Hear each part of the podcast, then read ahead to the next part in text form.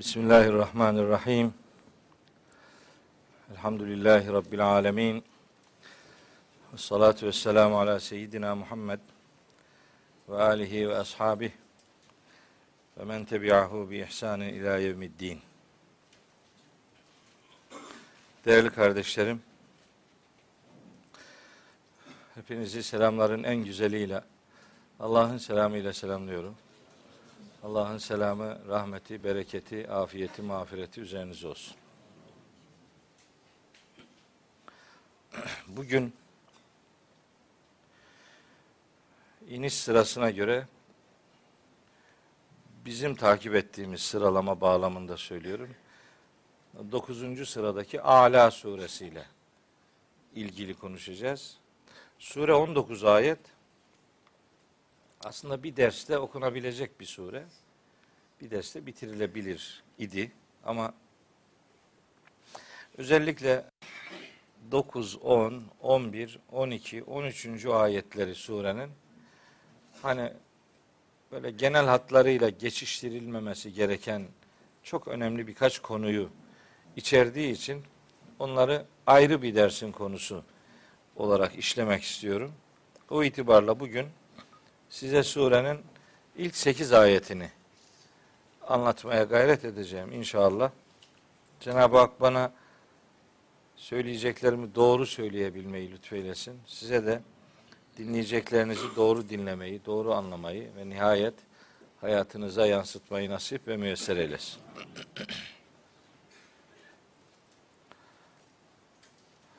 Ala suresi dediğim gibi Mekki bir sure. Mekke dönemi sureleri üç kategoride incelenir. Biliyorsunuz Mekke dönemi 12 yıllık bir süreçtir. Bu üçe ayrılır. İlk dört yıl, orta dört yıl, son dört yıl diye. Ee, bu sureler ilk dört yılın sureleridir. Yani peygamberimizin peygamberliğe e, hani bir anlamda adapte olması anlamında onu inşa eden, onun e, nasıl bir duruş ortaya koyması lazım geldiğini kendisine öğreten surelerdir. İlk dört yılın sureleri. Bu da onlardan bir tanesidir. Resmi sıralamada surenin e, yeri 87. sıradır. 19 ayettir. Mekki bir suredir. Dört grup ayette bu sureyi tanımlayabiliriz. İlk beş ayette Cenab-ı Hakk'ın çeşitli sıfatları tanıtılır. 6, 7, 8. ayetlerde Cenab-ı Hakk'ın bilgisi üzerinden bir takım bilgiler verilir. Çok önemli bir ifade var ve nüyessiru kelil yusra ayeti üzerinde uzun uza diye inşallah duracağım.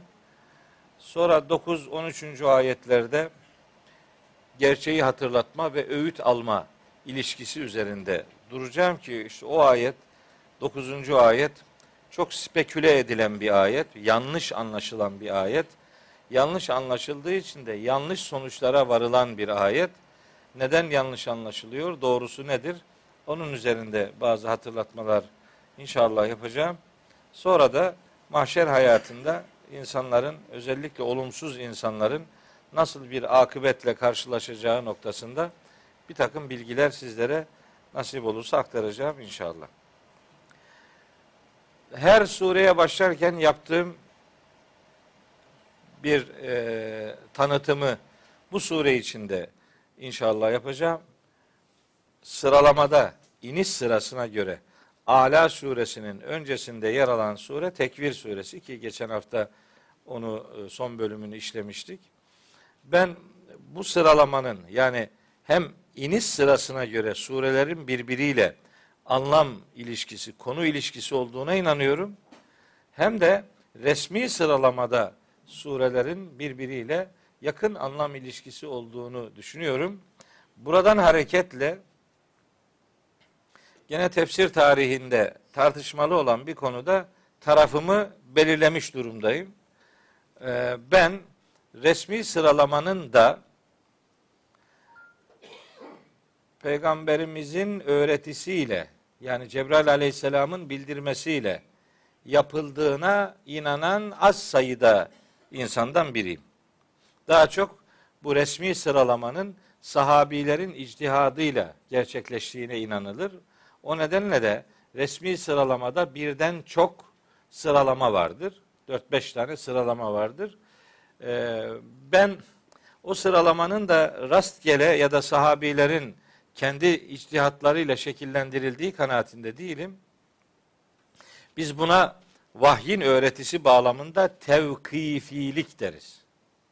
Tevkifi. Tevkifi demek aklın durdurulduğu yer demek. Akıl, icdihat, kural orada çalışmaz. Vahiy nasıl belirlediyse, Cebrail aleyhisselam nasıl öğrettiyse sıralamanın da öyle olduğu kanaatindeyim. Çünkü hani şöyle bir 30 yıllık Kur'an talebesi olarak biraz olsun Kur'an'ı tanıyan biri olarak e, bu sıralamanın da yani resmi sıralamanın da son derece güzel bir e, mahiyet arz ettiğini, çok güzel konu bağlantıları sureler arasında görüldüğünü müşahede ettim. Düşünün ki bir sure Mekki, ortadaki Medeni, bir sonraki yine Mekki. Aslında mahiyet olarak birbirinden çok farklı olması lazım. Mekki surelerin mantığı farklıdır. Medeni surelerin mantığı farklıdır. Hatta Mekki surelerin ifade görüntüleriyle medeni surelerin ayet şekilleri yani görüntüleri bile birbirinden farklıdır. Mekki sureler daha kısa, öz, az kelimeyle çok anlamın kastedildiği surelerdir. Medeni surelerde de tam bunun tersine uzun uzadıya detaylı bilgiler verilir.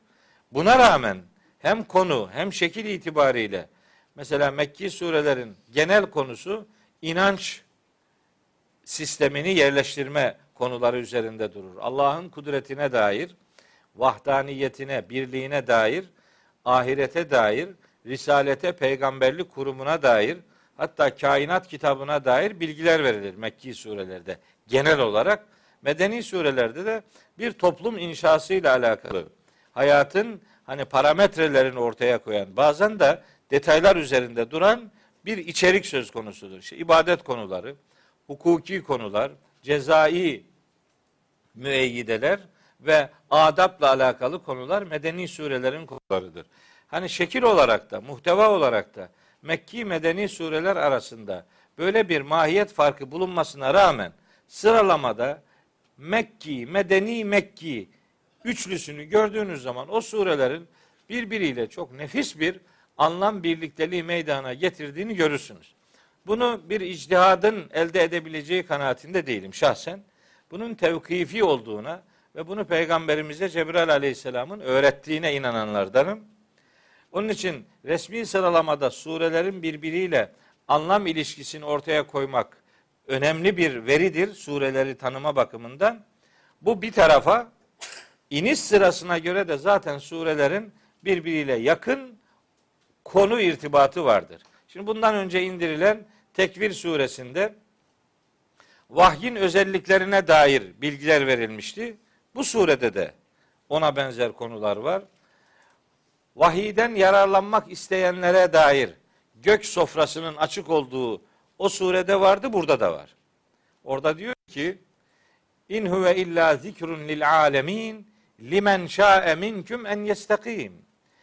Bu vahiy istikamet sahibi olmak isteyenler için gerçeğin hatırlatması der. Orada burada da ve nüyessiru kelil yusra fezekkir in nefaatiz zikra seyezzekkeru men yakşa. Haşyet duyan adam vahyin o muhteşem dünyasından gereken öğüdü alır, gerçeği hatırlar. Aynı yani. Konular birbirinin sanki devamı gibi e, işlenir. Her iki surede de ahirete dair vurgular göz önüne getirilir. Bu ve benzer konularda iki surenin birbirinin devamı gibi bir mahiyet arz ettiğini rahatlıkla söyleyebiliriz. Şimdi Ala suresinin tabi surelerin isimlendirilmesinde de e, az buçuk olsun bir şeyler söylemek lazım. Şimdi Kur'an-ı Kerim'de her bir surenin bu teknik bir konu ama bilinmesinde yarar var. Madem ki konu Kur'an'dır, madem ki yıllardır Kur'an'ı konuşuyoruz, bir takım öz bilgilere de bu anlamda sahip olmamız lazım. surelerin isimlendirilmesi var. Kur'an'da surelerin her birinin en az üç tane ismi vardır. En az üç ismi vardır. Bu isimlerin bir grubu surelerin ayet sayısına göre aldığı isimler. İlk uzun yedi sureye seb'i tıval derler. İlk uzun yedi sure. Bunlar Bakara, Ali İmran, Nisa, Maide, En'am, Araf. Altı tanesi bunlar. Enfal ile Tevbe ikisi bir kabul edilerek yedinci sure Enfal Tevbe diye ifade edilir. Bunlara seb'i tıval denilir. İlk uzun yedi sure. Ayet sayıları itibariyle. Ondan sonraki gelen bir grup ayet sayısı 100 ve 100'ün yukarısında olanlar. 100, 120, 130 neyse. O civarda dolaşanlar bunlara el miun derler. Ayet sayısı yüzlerle ifade edilen sureler demektir. El miun. Sonra ayet sayısı yüzden aşağıya 50'den yukarıya genel itibariyle e, bulunan surelere el mesani derler. Mesani sureler. Bir de 50. sureden aşağıya, Kaf suresinden aşağıya e, 64 surenin genel adı da El Mufassalun diye bilinir. El Mufassalun demek kısa kısa fasılalarla bölünmüş sureler demektir. Bu El Mufassalun dediklerimiz de kendi arasında üçe ayrılır. Mufassalı tıval yani kısa surelerin kısmen uzun olanları Kaf suresinden Tarık suresine kadar. Yani 50. sureden 86. sureye kadar olanlara mufassalı tıval derler.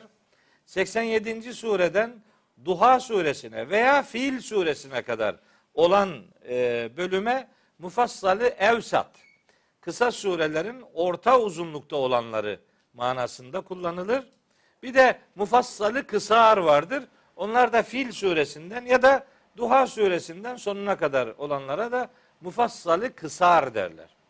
Böyle bir dörtlü isimlendirme var. Ayet sayısına göre surelerin isimleri. Seb'i tıval, el mi'un, el mesani ve el mufassalun diye isimlendirilir. Her bir sure bu dört kategoriden birine girer. Bir bu. İkincisi her bir sure Kur'an'da ya Mekki ya Medeni diye de anılır. Her surenin Mekki olanı vardır, Medeni olanı vardır. Neye göre Mekki, neye göre Medeni? Hicretten önce indirilenler Mekki, hicret esnasında ve sonrasında indirilenler Medeni. O itibarla Kur'an'ın bütün sureleri ya Mekki ya Medeni diye ikinci bir isimle de anılırlar. Üçüncüsü ise bu genel kategorilerin dışında her surenin kendine özel ayrıca bir ismi vardır. Bu isimlendirmeler sahabiler tarafından yapılmıştır. Böyle inanılır. Öyle sureler vardır ki tek ismi vardır. Öyle sureler vardır pek çok ismi olabilir. Mesela Fatiha'nın 8-10 tane ismi vardır. Mesela İsra suresinin bir adı Beni İsrail'dir. Mesela İnsan suresinin bir adı Dehir suresidir. Mesela Mümin suresinin bir adı Gafir suresidir. Mesela Mesed suresinin bir adı Tebbet'tir. Mesela İhlas suresinin bir adı Tevhid'dir vesaire. Böyle birden çok ismi olan sureler var. Ayrıca iki surenin aynı isimle anıldığı örnekler de var. Bakara ve Ali İmran surelerine ikisine birden Ez-Zehravan suresi denir. İki bahçe. Zehravan diye bilinir. El Muavvizetan suresi vardır, sureleri vardır. Felak ve Nas sureleri El Muavvizetan diye bilinir. İki sure bir isimle anılır. Böylesi de vardır. Ne oluyor da isimler böyle veriliyor? Bazen suredeki ilginç bir kelime surenin adı oluyor. Bazen başındaki mukatta harfi surenin adı oluyor. Bazen ele aldığı işte bir peygamber kıssası surenin adı oluyor. Ee, vesaire. Bazen de surenin adı olan kelime surede geçmeyebiliyor. Mesela Fatiha suresinin adı Fatiha'dır ama Fatiha kelimesi surede geçmez. Mesela İhlas suresinin adı İhlas suresidir ama İhlas kelimesi surede geçmez. O konunun genel isimlendirilmesiyle böyle bir ismi alır. Tevbe suresine mesela Berae suresi denilir. işte ilginç bir kelime, başta gelen kelime, mukatta harflerinden oluşan isimlendirmeler vesaire. Böyle her surenin bu mahiyet itibariyle de ayrıca bir isminin olduğunu beyan etmiş olalım. Her surenin en az üç tane ismi vardır. Bir ayet uzunluklarına göre, iki iniş zamanına göre, üç bir de özel isimleri. Bunların sureleri nüfus kağıdı olarak, işte kart viziti diyelim, böyle kart viziti olarak tanıtılır. Bu da bir teknik bilgi sizlerle paylaşmış olayım. Evet, şimdi surenin ilk beş ayetlik bölümünü önce yazıyorum. Sonra yavaş yavaş ayetleri teker teker sizinle paylaşmaya başlayacağım inşallah. Sebbi esel billah. Sebbi hisme rabbikel a'la. Yüce Rabbinin adını tesbih et. Ellezî halaka fesevva. O yaratan ve şekil verendir. Vellezî kaddara feheda. Takdir eden, yol gösterendir.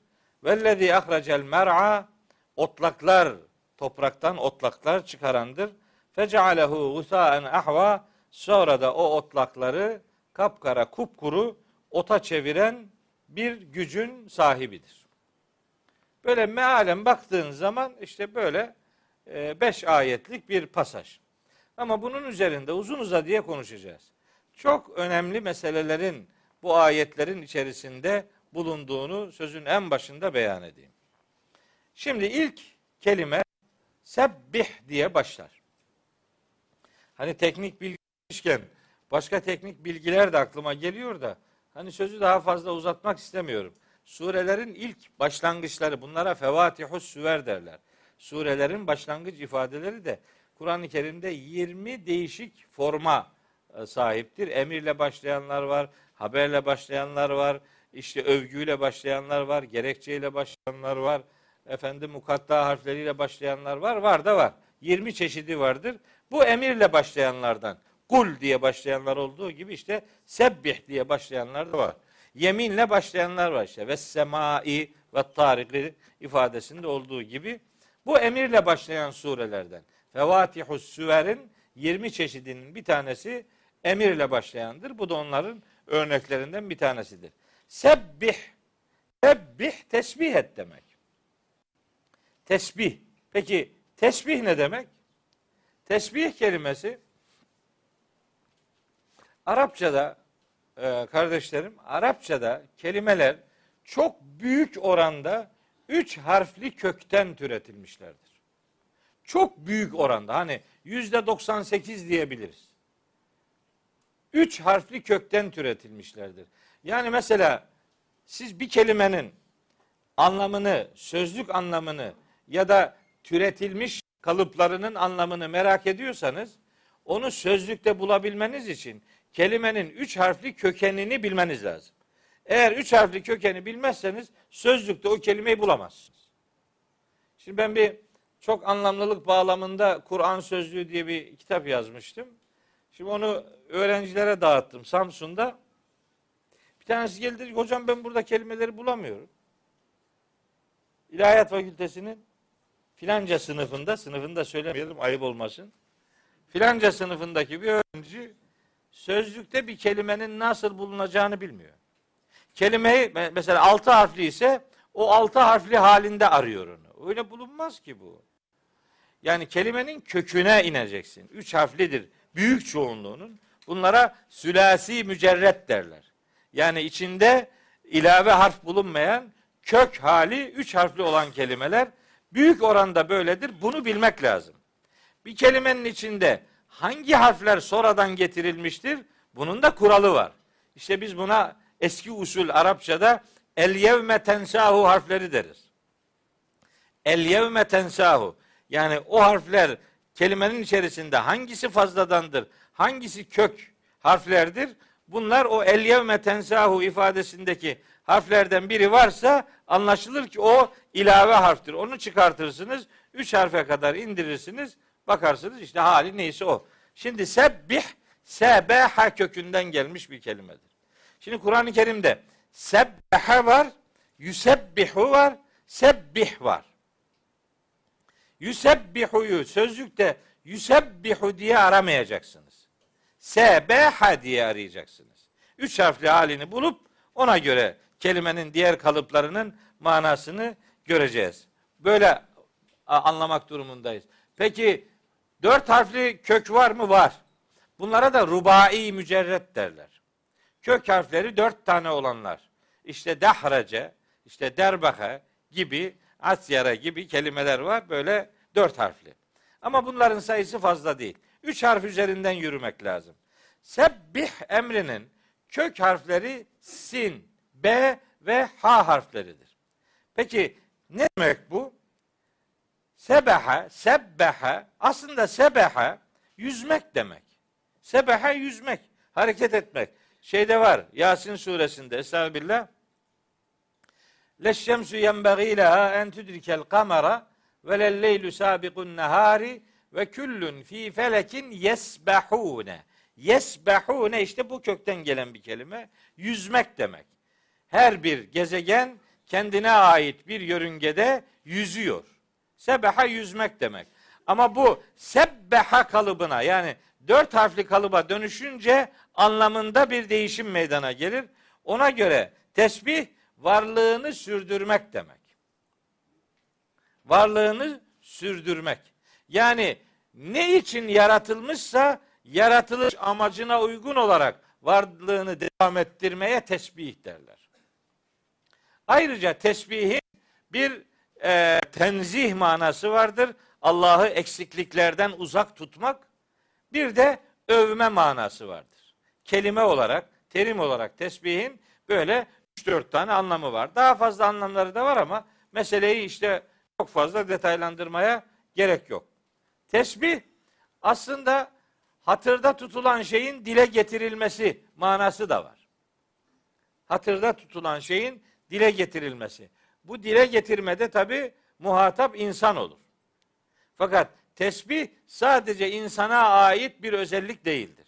Onu birazdan ayetlerle ifade edeceğim. Tesbihin Allah adına hareket etme manası da var. Yani bir varlığı Allah hangi amaç için yaratmışsa o varlığın o amaç doğrultusunda varlığını sürdürmesi, Allah adına hareket etmesi demek.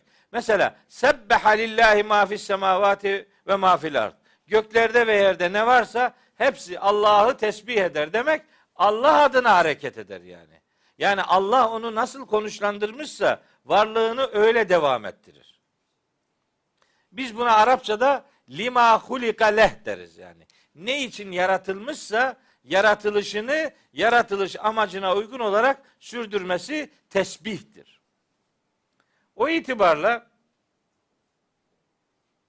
insanın tesbihi yaratılış amacına uygun olarak Allah'ı tanıması ve hayatını Allah'ı tanıyan bir bilinçle sürdürmesi manasına gelir. İnsan için bu böyledir. Şimdi Kur'an'a bakıyoruz. Bu tesbihle alakalı neler geçiyor? Hangi ayetlerde nasıl tesbih ifadeleri var? Birkaç tanesini sizinle paylaşmak isterim. Bunlardan biri mesela bir sürü var da e, en geniş manalı olanından başlayayım. İsra suresi 44. ayette geçer. En geniş anlamda tesbih orada geçer. Orada Allahü Teala buyurur ki Estağfirullah İsra 44 Tüsebbihu lehu semavatu seb'u vel ardu ve men fihinne ve in min şeyin illa yusebbihu bihamdihi velakin la tefkahune tesbihahum innehu kâne halimen gafura. Yedi kat gök, yeryüzü ve içinde bulunanlar Allah'ı tesbih ederler. Bunlar canlı, ruhu olan varlıklar manasında kullanılıyor ve men fihinne. Men canlı, ruhu olan varlıklar için kullanılır. Men edatı. Ma edatı canlı cansız herkesi içerir ama men edatı özel olarak canlı ve ruhu olanları ifade eder. Şimdi yedi kat gök. Bu canlı değil. Bunlar Allah'ı tesbih ediyor. Yeryüzü bu da canlı değil. O da Allah'ı tesbih ediyor. Ama bunların içindeki canlı ve ruhu olan varlıklar da Allah'ı tesbih ediyor. Şimdi genel ifade şu cümleyle şekillenmiş. Ve in min şeyin hiçbir şey yoktur ki illa yusebbihu bihamdihi. hamd ederek Allah'ı tesbih ediyor olmaz. Yani ne ki varlık kazanmıştır o Allah'ı hamd ederek tesbih eder. Ve lakin ancak la tefkahune tesbihahum siz onların tesbihini anlamazsınız. Anlamıyorsunuz. Tabi buradaki ilk muhatap Mekkeli müşriklerdir. Onlara sesleniyor. Yani sizin gereksiz, lüzumsuz zannettiğiniz herhangi bir varlık aslında gereksiz ve lüzumsuz değildir. Onlar tesbihe kodlanmıştır. Allah onları niçin yaratmışsa onlar varlıklarını o amaç doğrultusunda devam ettiriyorlar. Demek her şey Allah'ı tesbihe kodlanmış. Şimdi mesela birkaç tane detay diyebileceğimiz örnek verelim. Yani her şey mesela nasıl tesbih ediyor diye soralım. Rahat suresinin 13. ayeti çok nefis bir örnektir burada. Rahat 13. 13. surenin 13. ayeti buyuruyor ki Yüce Allah. Estağfirullah. Ve yusebbihur ra'd ve yusebbihu bakın işte bu kelime. Ve yusebbihur ra'du bihamdihi vel melaiketu min hifetihi. Gök gürültüsü hamd ederek Allah'ı tesbih eder. Melekler de korkularından Allah'ı tesbih ederler. Melekler de tesbih ediyormuş, gök gürültüsü de tesbih ediyormuş. Gök gürültüsü nasıl tesbih ediyor? İşte gürlemek tesbih. Bulutların tesbihi bu. Rüzgarın tesbihi esmesi. Kuşun tesbihi işte uçması. Yağmurun tesbihi yağması. Derenin tesbihi akması. Bitkinin te- tesbihi bitmesi. Neyse ne geliyorsa aklınıza işte yani. Her şeyin kendine göre bir tesbihi var. Ama bu nedir?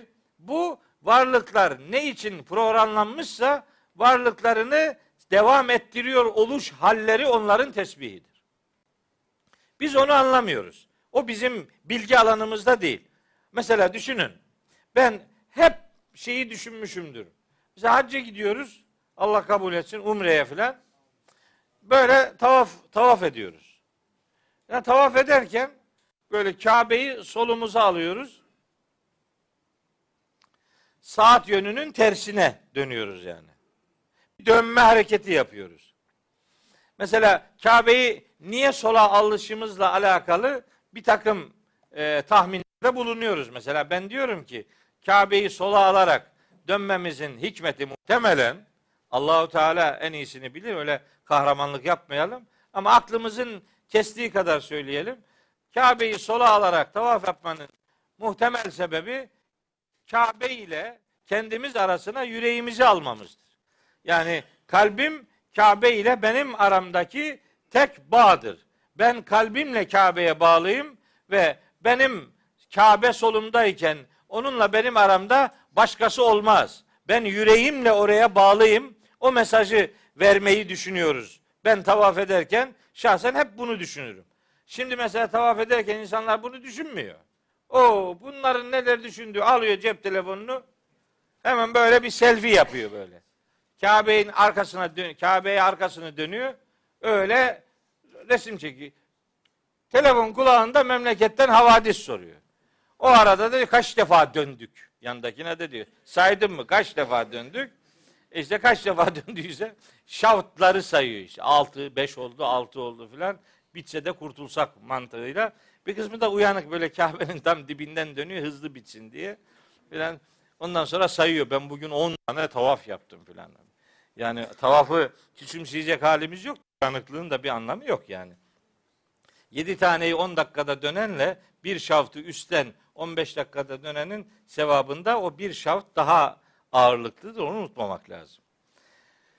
Şimdi ben şunun için söylüyorum. Dönme hareketi yapıyoruz ya. Mesela maddenin en küçük yapısı atom. Atomun parçalanan haliyle onun unsurları nötronlar var yüksüz, protonlar var pozitif yüklü, elektronlar var negatif yüklü. Elektronlar çekirdeğin etrafında dönüyorlar. O muhtemelen elektronların dönüş hareketi muhtemelen Allahu alem ben bunu fizikçilere sordum. Bana cevap veremediler. Yani bu bilinmiyor dediler daha doğrusu. Bu şimdi elektronlar bu elektronlar hem böyle kendi etrafında dönüyor hem çekirdeğin etrafında dönüyor. Aynen dünya gibi. Dünya hem kendi etrafında dönüyor hem güneşin etrafında. Bu hareket elektronlarda da var. Yani zerreden küreye, zerreden küreye atomun içindeki hareket sistemi gezegenlerin de hareket sisteminin bir minyatürü, yani küçük hali. Biz o o ha, o harekete tavafımızla katılıyoruz. O dönme hareketine biz de irademizle katılıyoruz. Onun için mesela ben diyorum ki tesbih aslında kainattaki iradesiz koraya irademizle katılma bilincidir ve onlardan ayrı düşmeme kararlılığıdır. Bir anlamda muhteşem kozmik ilahi koronun birbiriyle uyumlu ses harmonisine katılmak ve elbette bu koraya karşı çatlak ses çıkarmamaktır. Yani Allah'ın kainatı kodladığı bu hareket sistemine, bu dönme sistemine biz irademizle hacda ve umrede tavaf ederken katılıyoruz. Kainattaki kozmik koroya irademizle katılıyoruz. O kainattaki bu hareketin adı tesbihtir. Bizim ona irademizle katılımımız zikirdir. Tesbih ile zikir arasında çok önemli bir geçişli anlam ilişkisi vardır. Her zikir bir tesbihtir ama her tesbih bir zikir değildir. Zikir övmenin, gerçeği hatırlamanın irade ile şekillendirilmiş kısmına derler. Yani zikirde bir bilinç esastır. Bilerek, irade ile bir tercihin sonucu olarak yapılan övme ifade e, işlemine zikir denilir. Tesbih daha çok iradesiz varlıkların da varlığını devam ettireceği o planlanmış, programlanmış hakikatin adıdır. Birinde canlı cansız her varlığın övgüsü, diğerinde canlı varlıkların ruhu ve e, bilinci olan varlıkların iradeleriyle ortaya koydukları tercihtir diyelim. Tesbih ile alakalı bir şey daha söylemek istiyorum. Buraya yazmadım. Yani hepsini tesbih ile alakalı bütün ayetleri yazmadım yani. Birkaç tane yazdım ama şimdi aklıma geldi. Nur suresinin 41. ayeti var. Tesbih ile alakalı bir şey konuşulurken o ayeti de bilmek lazım. Yani bir detay tesbih örneği verdiği için. Buyuruyor ki Rabbimiz Estağfirullah. Elem tara düşünmez misiniz hiç? Ennallaha yusebbihu yusebbihu lehu men fis semavati vel ardı ve tayru saffatin. Küllün kad alime salatehu ve tesbihahu. Tesbih ile alakalı detay bilgi veren ayetlerden biridir. Görmez misiniz? Hiç düşünmez misiniz? Göklerde ve yerde can ve ruh taşıyan herkes Allah'ı tesbih eder. Ayrıca saf saf dizi dizi halde bulunan kuşlar da uçuşan varlıklar da Allah'ı tesbih ederler. Hatta küllün kad alime salatehu ve tesbihahu. Bütün bunların her biri hem ibadetini bilir hem tesbihini bilir. Kuşlar tesbihi biliyor diyor Allahu Teala. Nasıl biliyor bilmem. Kuş kuş dilinden anlamadığım için nasıl olduğunu bilmiyorum ama kuşların ses çıkarması muhtemelen tesbihleridir yani. Yani her varlık dış olarak neye kodlanmışsa o koda uygun olarak varlığını devam ettirmesine tesbih deniyor işte. O tesbih. Allah adına varlığını sürdürebilme durumuna tesbih deniyor. Buradan hareketle diyorum ki ben Rabbimizin iki tür Müslüman kulu vardır. Allahu Teala'nın iki tür Müslüman kulu vardır. Bu Müslüman kullardan bir tanesi iradeli Müslümanlar, insanlar ve cinler, hatta melekler. Melekler iradesiz varlıklardır diye tanımlanır. Ben bunu kabul etmiyorum. Melekler iradesiz varlıklar değillerdir. Bal gibi de iradeleri vardır. Fakat onların iradeleri Allah'ın konuşlandırdığı şekilde tecelli eder. Başka tarafa doğru herhangi bir yan profil çizmezler. Allah onları nasıl programladıysa iradeleri o noktada şekillenir. Öyle değil mi? İradeli olmasalardı Hazreti Adem'in ya da insanoğlunun yeryüzünde halife olarak görevlendirilmesiyle alakalı etec'alu fiha men yufsidu fiha ve yesfikü dima'e ya Rabbi yeryüzünde fesatlık çıkarmakta olan bozgunculuk yapmakta olan bu varlıkları mı halife yapacaksın diye soru sorar mıydı? Bu bir irade beyanı değil mi? Bal gibi de irade beyanı. Melekler de iradeli Müslüman kullardır. Onların Müslüman olmayan istisnası yoktur. Ha siz bakmayın en büyük melek kimmiş? İblis. Oo. Hatta onun bir de adı var Azazil. Meleklerin hocası. Ne de meleklerin hocası nasıl iblis oldu ya? Hani şimdi bak meseleye Kur'an'dan bakmayınca böyle acayip şeyler çıkıyor yani. Kur'an'da diyor ki Allahu Teala meleklerle ilgili ve yef'alune ma yu'merun. Melekler Allah tarafından neyi yapmaya emrolunmuşlarsa onu aynen yaparlar. Yani şimdi iblis bunun istisnası mı yani? Öyle şey olur mu? Enbiya suresinin ve hum bi emrihi ya'melun. Melekler Allah'ın emrini aynen yerine getirirler. Enbiya 27. ayet. Mesela Nahil suresinde var. Orada buyuruyor ki 50. ayet Nahil suresinde Velillahi o 49 yakafune rabbehum min fevkihim ve yef'alune ma yu'merune. Neye emrolunmuşlarsa onu aynen yaparlar. Yef'alune yaparlar ma şu şeyleri ki yu'merune emrolunmuşlar. Emrolundukları ne varsa onun hepsini yerine getirirler. Demek ki burada bütün melekler ilahi emirler onlardan ne istemişse onu yaparlar. Hatta dahası bir de Tahrim suresinde var. Meseleyi bitiriyor zaten o. Orada buyuruyor ki Rabbimiz 6. ayeti Tahrim suresinin hani ya eyyühellezine amenu ku enfuseküm ve ehliküm naran ve kuduhen nasu vel hicaretu aleyha melaiketun gilazun şidadun la ya'sun Allah ma emerahum. Allah'ın kendilerine emrettiği şeylerde asla isyan etmezler ve yef'alune ma yu'merune ve emrolundukları şeyi aynen yerine getirirler. Melekler işte bunlar. Azazil melekmiş. Meleklerin hocasıymış. Sonra ne oldu? Sonra zıvanadan çıktı. Melek olmaktan çıktı. Ya olmaz olmaz kardeşim. Gözünü seveyim. Hata, insan hata yapabilir de hatada ısrar etmeye lüzum yok yani. Keyif suresinin 50. ayetinde ve iz kulna lil melaiketi südü li ademe fesecedü illa iblis kâne minel cinni Allah meleklere hitaben demişti ki Adem için secdeye kapanın. Bu da tabi Adem'e secde edin diye tercüme ediliyor. Öyle tercüme edilince ne oluyor biliyor musunuz? İnsan meleklerden üstündür. Haydi bakalım.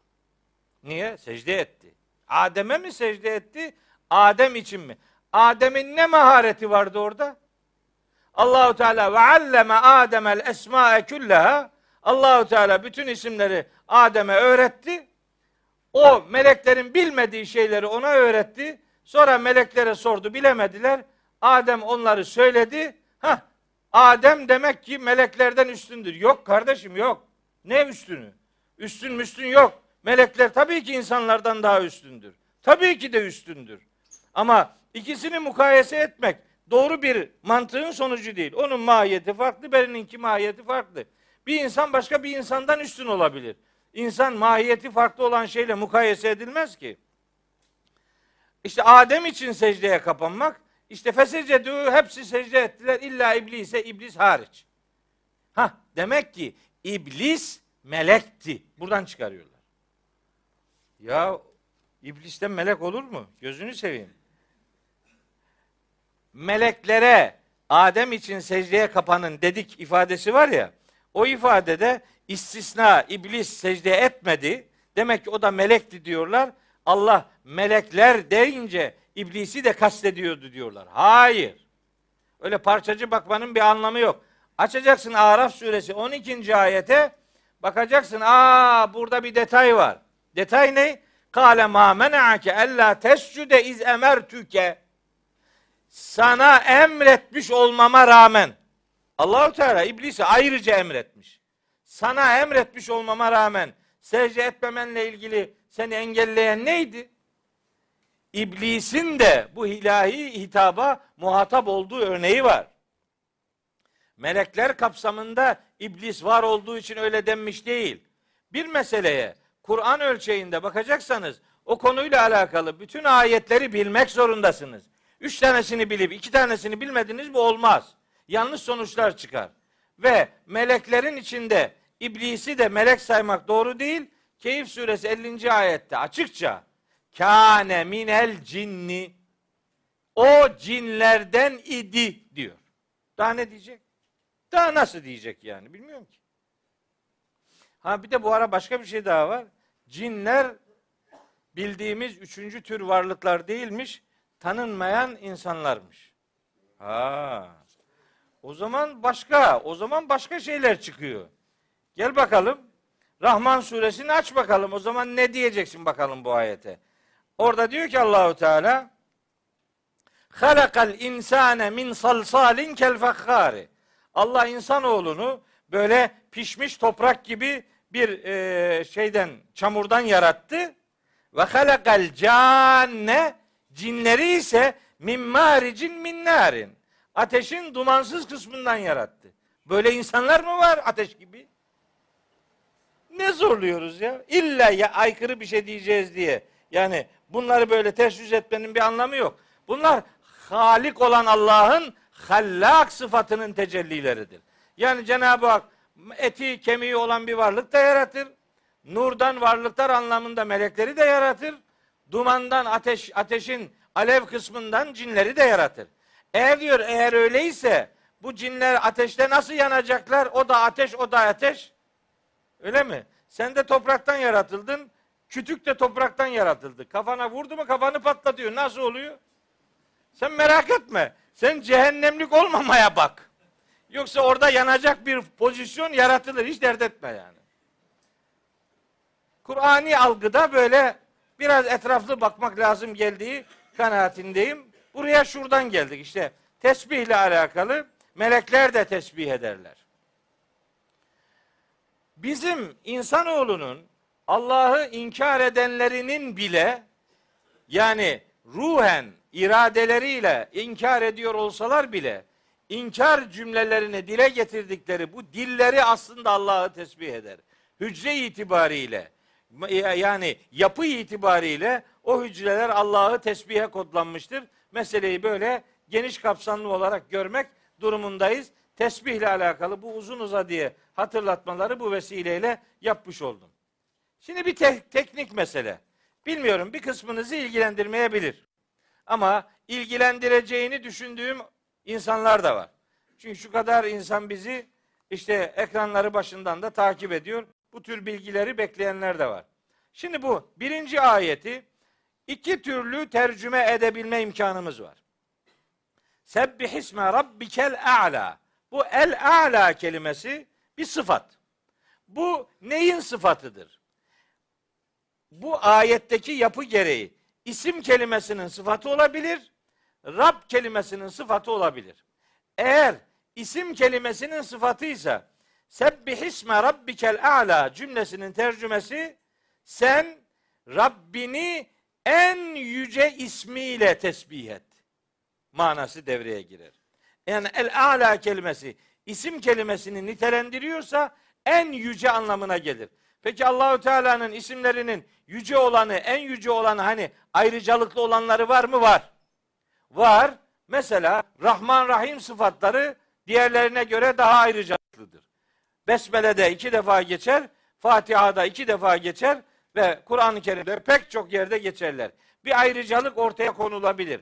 Hatta İsra suresi 110. ayette Kul id'ullaha evid'ur rahman der.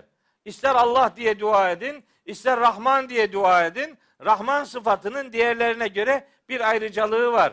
Kur'an'da dört defa geçen Esma-i Husna ifadeleri vardır.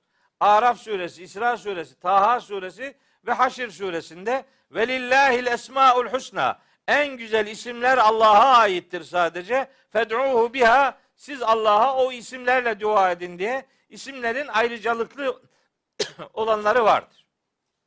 Öyleyse Rabbinin Rabbinin en yüce ismini tesbih et.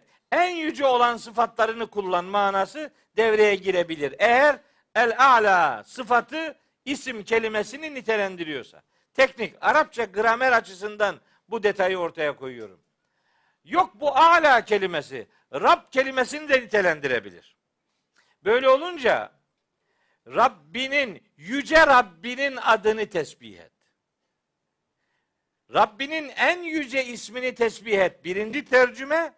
Yüce Rabbinin ismini ter- tesbih et. ikinci tercüme. Daha doğru olan hangisidir? Kanaatime göre ikincisidir.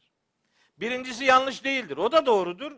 Şimdi diyor ki adam meal aldık elimizde. Birinde öyle yazıyor. Birinde böyle yazıyor. Kafam allak bullak oldu. Sen de kafan ne kadar çabuk allak bullak oluyor ya. Yani bu kelimelerden ve gramerden kaynaklanan bir farklılık. O da doğrudur, öbürü de doğrudur. Niye kafan karışıyor ki yani? Kafan başka şeylere karışsın. Burada karışacak bir şey yok. Yüce anlamına Rabbinin yüce Rabbinin adını tesbih et. El a'la işin ehli olanlar bilirler ki el a'la kelimesi ismi tafdildir. İsmi tafdil. İsmi tafdil görecelilik manası veren kalıbın karşılığıdır Arapçada. En yüce, daha yüce, en yüce, en. Görecelilik. Ve İngilizce'de bunlara comprehensive diyorlar. Mukayese yani. Daha, en manası veren detay bu. Şimdi Allahü Teala için böyle en, daha sıfatlarını kullanmak doğru değildir. Ya adam diyor ki hayallerimizi yıktın hocam. Yok hayallerine bir şey yok yani. Mesela Allahu Ekber derken Allah en büyüktür deme. Allah en büyüktür dedim mi? Tam da müşriklerin demek istediğini diyorsun. Onlar da öyle diyordu. Allah en büyüktür. Tabii Allah en büyüktür. Ama başka büyükler var diyor altında. Biz bunu kabul edemeyiz. Bu bir şirk ifadesidir. Allahu Ekber, Allah tek ve gerçek büyüktür. Bir tane büyük var o da Allah. Başka başka yok. Başka büyük yok. Bizim statlarda slogan atar taraftarlar. En büyük bilmem hangi takım, başka büyük yok. Görürsün.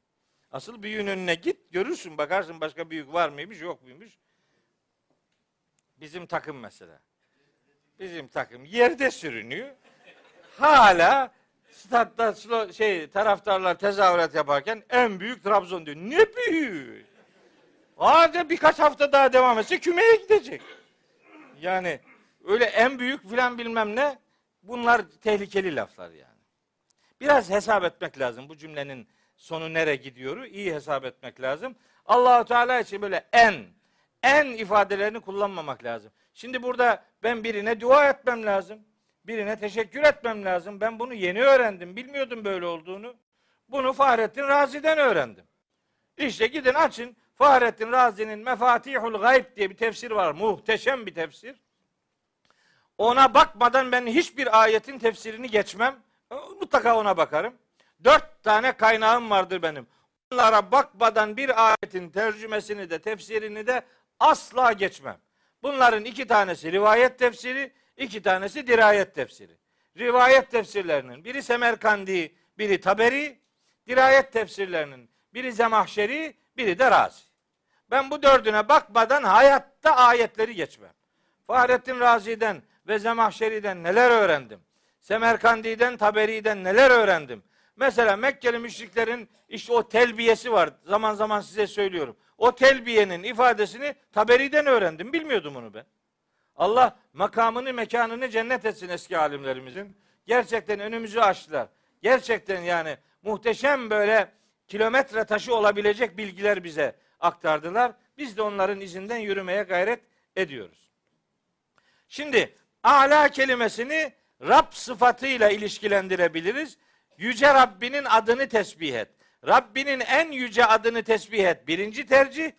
Yüce Rabbinin adını tesbih et. ikinci tercih. Nitekim Sübhane Rabbiyel A'la diyoruz ya bu tesbihi yaparken. Sübhane Rabbiyel Azim. Burada mesela El A'la, El Azim kelimeleri isim kelimesi olmadan sadece Rab kelimesinin sıfatı olarak gelirler. Oradan da anlaşılıyor ki A'la kelimesini Rab kelimesinin sıfatı olarak kabul etmek teknik olarak biraz daha önceliklidir.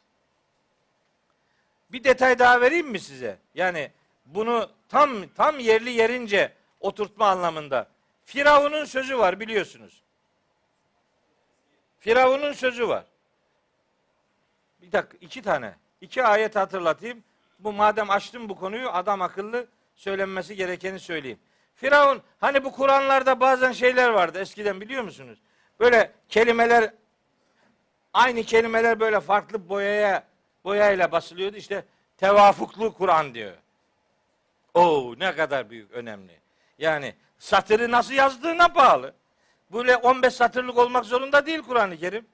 Yani bir sayfası 5 satır da olabilirdi. O zaman da tevafuk mevafuk kalmaz. Kur'an'ın yüceliğini ispat etmek için böyle tevafuk numaralarıyla uğraşmanın bir alemi yok. Rab kelimelerini boyadılar. Boyadıkları kelimelerden biri hangisi biliyor musunuz? Rab kelimesinin bir tanesi Nazihat suresinde Firavun'un sözü var. Fekale ene rabbukumul a'la. Rab kelimesini onu da kırmızıya boyuyor. O iyi bir şey değil. Onu ne boyuyorsun? Firavun'un sözü o. Orada bir keramet yok. Gözünü seveyim. Sistem bozulmasın diye hepsini boyuyor adam. Nazihat suresinin 24. ayeti. Fekale ene rabbukumul a'la. Şimdi bakın aynı ifade burada. El a'la sıfatı burada da var. Rab kelimesinin sıfatı olarak bunu aldığınız zaman ben Rab bunun tercümesini şöyle yapıyorlar. Firavun demiş ki ben sizin en yüce Rabbinizim. Böyle tercüme ediyor. Bence bu sıkıntılı bu tercüme. Niye? Bakacaksınız Firavun'un bu anlamda başka sözü var mı? Geleceksiniz Kasas suresinin 38. ayetinde Firavun'un şu sözünü göreceksiniz. İkisini bir arada düşündüğünüz zaman ben sizin en yüce Rabbinizim tercümesini yapmayacaksın. Diyor ki Firavun 38. ayetinde Kasas suresinin ve kâle firavunu Firavun demişti ki ve kâle firavunun bir hikayesi var. Anlattım mı onu size? Oo, bir tane anlatayım size. Bizim Çaykara'da ben Trabzonluyum biliyorsunuz elhamdülillah. Bizim Çaykara'da böyle vaaz etmek kolay iş değil. Bizim Çaykara'da şimdi çıkacaksın kürsüye vaaz edeceksin. Aşağısı hep hoca dolu. Adam titrer. Nerede konuşuyorsun? Zor iş. Bir tanesi çıkmış kürsüye yeni molla çıkmış böyle bir ayeti tercüme ediyor. Ve kale firavunu diye başlayan bir ayet. Şimdi onu tercüme edecek güya. Şimdi kale fiilleri geçtiği zaman hep alışmışız. Kalallahu, kala Resulullah diye. Bunlar olunca Allah buyurdu. Resulullah şöyle buyurdu diye tercüme ediyoruz. Bunu çıkmış ve kale firavunu Firavun buyurdu dedi. Bizim oranın ağzıyla buyurdu demez. Buyurdu. Alttan biri dedi ki he hoca efendi Firavun da buyurur. Ve kâle firavunu firavun af kurdu. af kurmak bizim orada köpeğin havlamasına derler yani. Firavun buyurur mu? Firavun af kurdu. Yani görünce aklıma geldi. Şimdi Firavun buyurmadı. Dedi ki ya eyyühel melev ey yöneticiler cümleye dikkat edin. Ya eyyühel melev ey yöneticiler ma alimtu leküm min ilahin gayri. Ben sizin için benden başka hiçbir ilah tanımıyorum. Şimdi bunu demişse ki dedi. Bunu diyen bir adam öbür ayette ben sizin en yüce Rabbinizim der mi? En yüce Rab ne demek? Başka yüceler de var demek. Hayır işte. Başka yüceler yok. O ayetin tercümesi şu. Fekale ene rabbukumul ala. Dedi ki ben Rabbinizim en yüce benim. Yani yüce benim başka ilah milah yok. Yüce Rabbiniz en yüce Rabbiniz benim değil. Ben Rabbinizim yüce ben. Başka yüce yok. Niye? Çünkü Kasas suresi 38. ayet adamın başka ilah kabul etmediğini söylüyor. İkisini beraber düşündüğünüz zaman aradaki ilişki kendiliğinden ortaya çıkıyor, dökülüyor. Bu detayı da bir vesile sizlere aktarmış oldum. Şimdi bir şey daha söylemeliyim. Bu birinci ayette tam bir saat oldu. Daha birinci ayetle uğraşıyoruz. Ama bitireceğim yani. O sekizinci ayete kadar geleceğim inşallah. Ben bir başlık daha açıyorum burada. Tesbih namaz ilişkisi. Derdim şu. Sebbih isme rabbikel a'la. Ne diyor bu ayet-i kerime?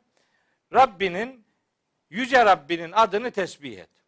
Peygamberimiz diyor ki, bu ayet geldiğinde Cebrail bana dedi ki, bunu secdelerinde söyle. Bunu secdelerinde tesbih yap. Vaka suresinde iki defa geçen, Hakka suresinde de bir defa geçen Fesebbih ismi rabbikel azim cümleleri var. O cümleler geldiği zaman da bun, bunları rükuda yap dedi bana diyor. Böyle olunca namazın rükusu farz. Nasıl biliyoruz?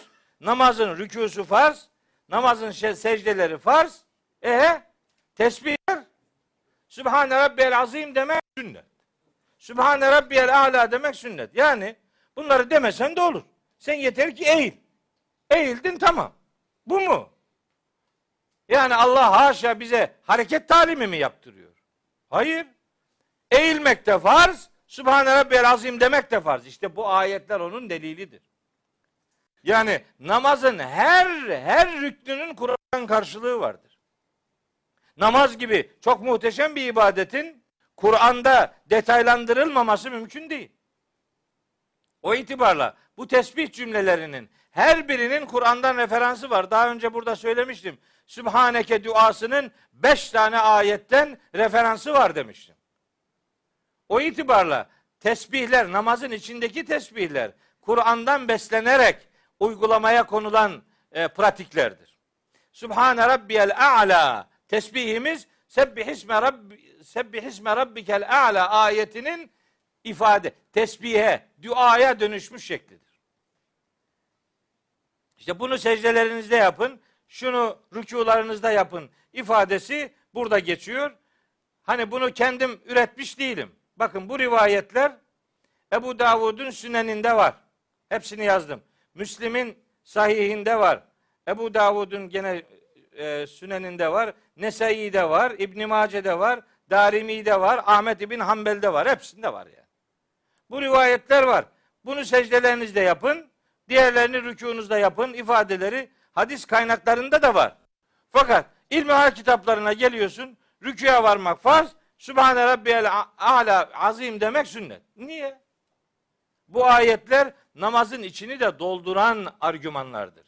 Dolayısıyla namazla Kur'an'ı, dualarla Kur'an'ı buluşturmak bizim ibadetimizin en hassas davranmamız lazım gelen hususiyetlerinin arasında yer alır. Yani ez cümle söylemek istediğim şu. Namazda, secdede ve rükuda yaptığımız dualar nafile değildir. Bunlar namazın en önemli parçalarıdır. Referansları Kur'an'dır bunları. İlmihalde öyle yazıyor oluşu sonucu değiştirmez. Ne yazarsa yazsın. İlmihali neticede insanlar yazdı. Kaç tane ilmihal var Türkiye'de? Dolu. Her grubun kendine özel bir ilmihali var. Habire yeni ilmihaller de çıkıyor. Yenileri çıkıyor ama eskilerin aynısını tekrar ediyor. Yani bir tane daha meal, bir tane daha ilmihal çıkmış oluyor ama bir farkı yok yani. Kopyala yapıştı. Bir de bizim adımıza bir meal çıksın. Bir de biz ilmihal yazmış olalım. Bunun bir anlamı yok yani. Evet, namazın tesbihle yakın bağlantısını Sübhane Rabbiyel Azim, Sübhane Rabbiyel A'la duaları üzerinden sizlerle paylaşmış oldum. Hani benim için hadis okumuyor falan diyorlar. Aha, bak bir sürü rivayet naklettim. Her ders, her ders aslında okuyorum. Adam hala bana hadis düşmanı diyor ya. Ne yapacağız bilmiyorum bunlarla. Allah'a havale ediyoruz. Allah'a ne yapayım ben başka ya? Adamın ağzı çuval değil ki büzesin yani. Ne haksızlıklara uğruyoruz ya. Ne dedikodular, ne yalanlar, ne iftiralar. Ya nasıl bu kadar yalan konuşuyor bir insan ya? Nasıl bunları üretiyor ya? Yatarken nasıl uyuyor bunlar bilmiyorum ya. Bunlar ahirete filan inanıyor. Olamaz, mümkün değil. Şimdi bazen bir şey diyorum biraz da maksadı biraz kaçıyor. Ya benim inandığım Allah'a inanmıyor bu herhalde diyor. Yüreğinden geçirdiğin şeyden seni sorgulayacağım diyen Allah. Kitabullah'ta böyle anlatıyor. Aklınızda tasarladığınız şeyleri önünüze getireceğim diyor. Ve in tübdü ma fi enfusikum ev tuhfuhu yuhasibkum bihillah. İçinizdekileri orada saklasanız da dışarıya çıkarsanız da Allah siz onunla hesaba çekecektir. Bakara suresi 284. ayet. Ya'lemu hainetel a'yuni ve ma tuhfi sudur. Gözlerinizin gizledikleri hain bakışları da yüreğinizin içinde sakladıklarınızı da ben bilirim diyor. Hepsini deşifre edeceğim diyor. Adam yatıyor yalan, kalkıyor iftira. Yalan, iftira, dedikodu ya. Hayret ediyorum ya. Bir ara dedim ki kendi kendime ben bu ümmetten istifa ediyorum. Ya bunlarla haşr olmak istemiyorum ya. Ne çukur adamlar ya. Ne kadar bir ne kadar ahlak erozyonuna uğramış. Ne kadar korku vermişiz biz bu adamlara meğer ya. Ne kadar ödüyor, ödü patlıyor. Şimdi düşünün ben dekan olsam ne olur? Ne olacak yani? Diyelim dekan o olduk dekan veya olmadık. Ne olacak yani? Benim dekanlığa ihtiyacım mı var? Neymiş yani dekanlık? Yok. Ama işin ehli bilir ki bilir ki diyelim ki dekan oldu. Diyelim ki bir şey değiştireceksin fakültede. Onu değiştirebilmek için bak fakültedeki bölümlerden fikir alacaksın. Ana bilim dallarından fikir alacaksın. Fakülte kurulunu toplayacaksın. 10 küsür kişidir bunlar. Sonra yönetim kuruluna getireceksin. 7 kişidir bunlar. Bunlardan geçecek. Sonra üniversite senatosuna götüreceksin ki senato 30 küsür kişiden meydana geliyor. Onlardan geçecek. Yetmiyor. Üniversite yönetim kurulundan geçecek. Yetmiyor. Gidecek YÖK'e, YÖK'ten geçecek ki senin dediğin olsun.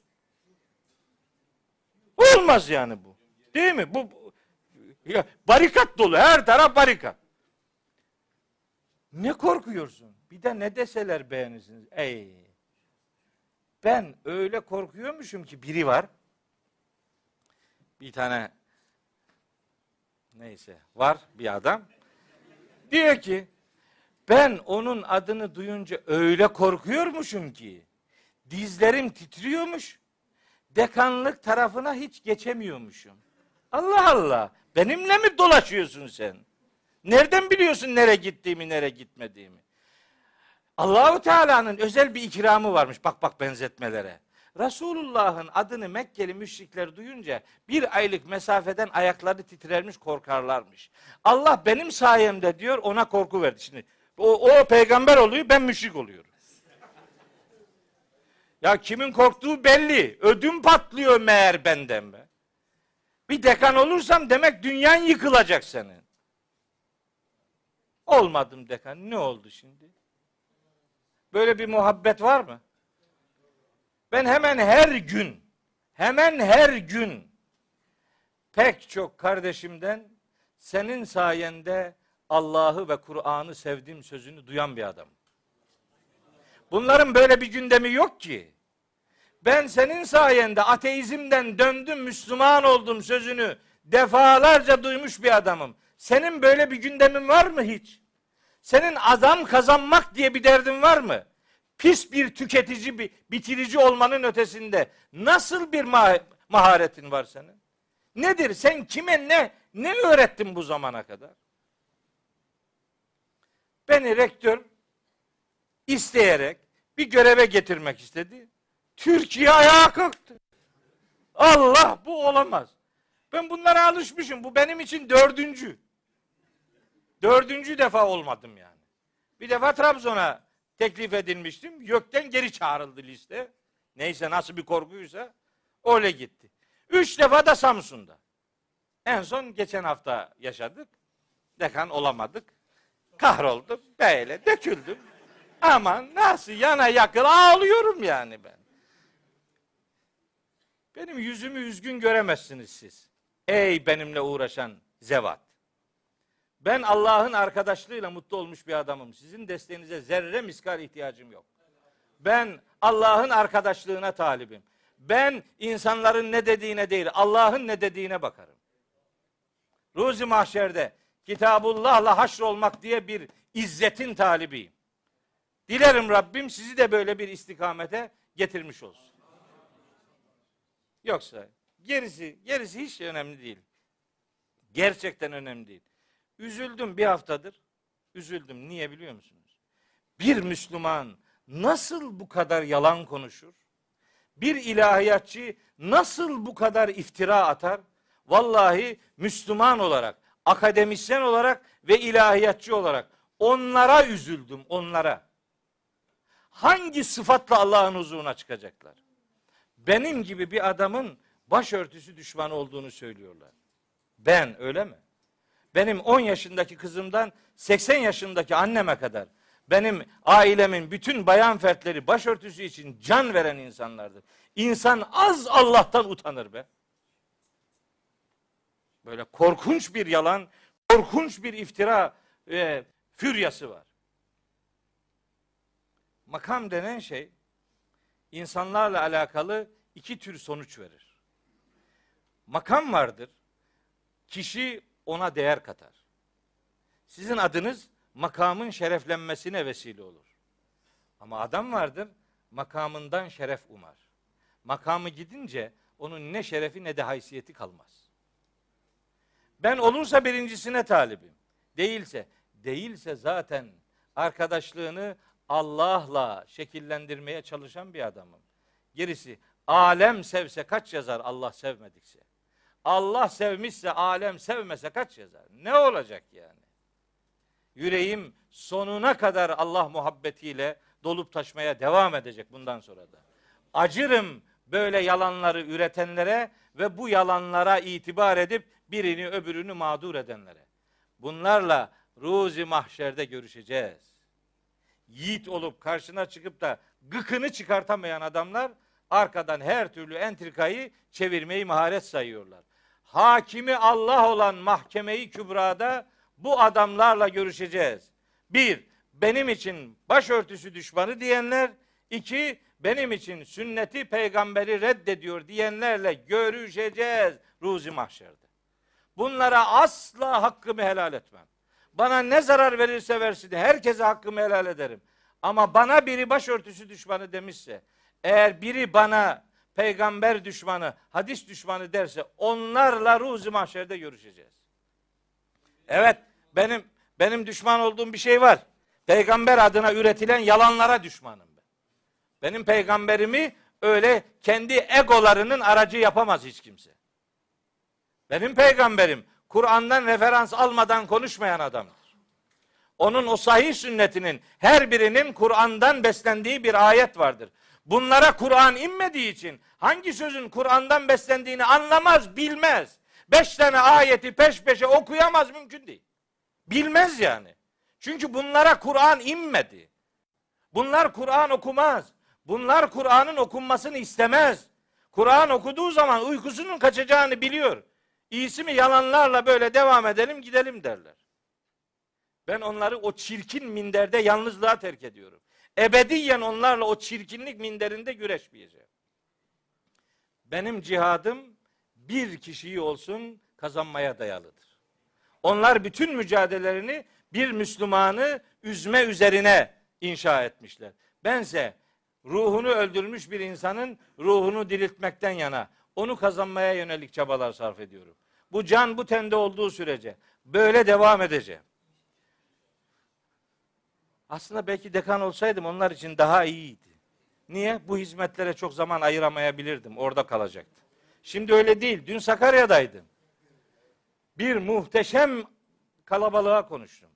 İki saat konuştum. Bir kişi olsun salonu terk etmedi. Pek çok adam ayakta duruyor olmasına rağmen iki saat Kur'an'ın izzetiyle buluşan bir görüntü ortaya koyduk. Elhamdülillah. Bunların böyle zevki yok. Bunlar bilmez böyle şeyleri. Bu sadece kafasını şeytanın çalışma makinesine dönüştürmüş. Çalışma odasına oradan bir garibanın, bir Müslümanın aleyhinde fikir üretmeye. Bunlar Velid bin Muire gibi tefkir adamlarıdır. Tefekkür adamları değildir. Fitne fücur detise üzerinden yürürler. Bunlara acıyorum. Bunlara itibar edenlere de acıyorum. Dilerim kısa sürede onlar da tevbe eder, hakikati bulurlar. Ben onların da cennete gitmesini isterim. Allah için söylüyorum. Keşke tevbe etseler ve keşke Allah'ın sırat-ı müstakim dediği şu yolun izzetli, hayırlı yolcusu olsalar.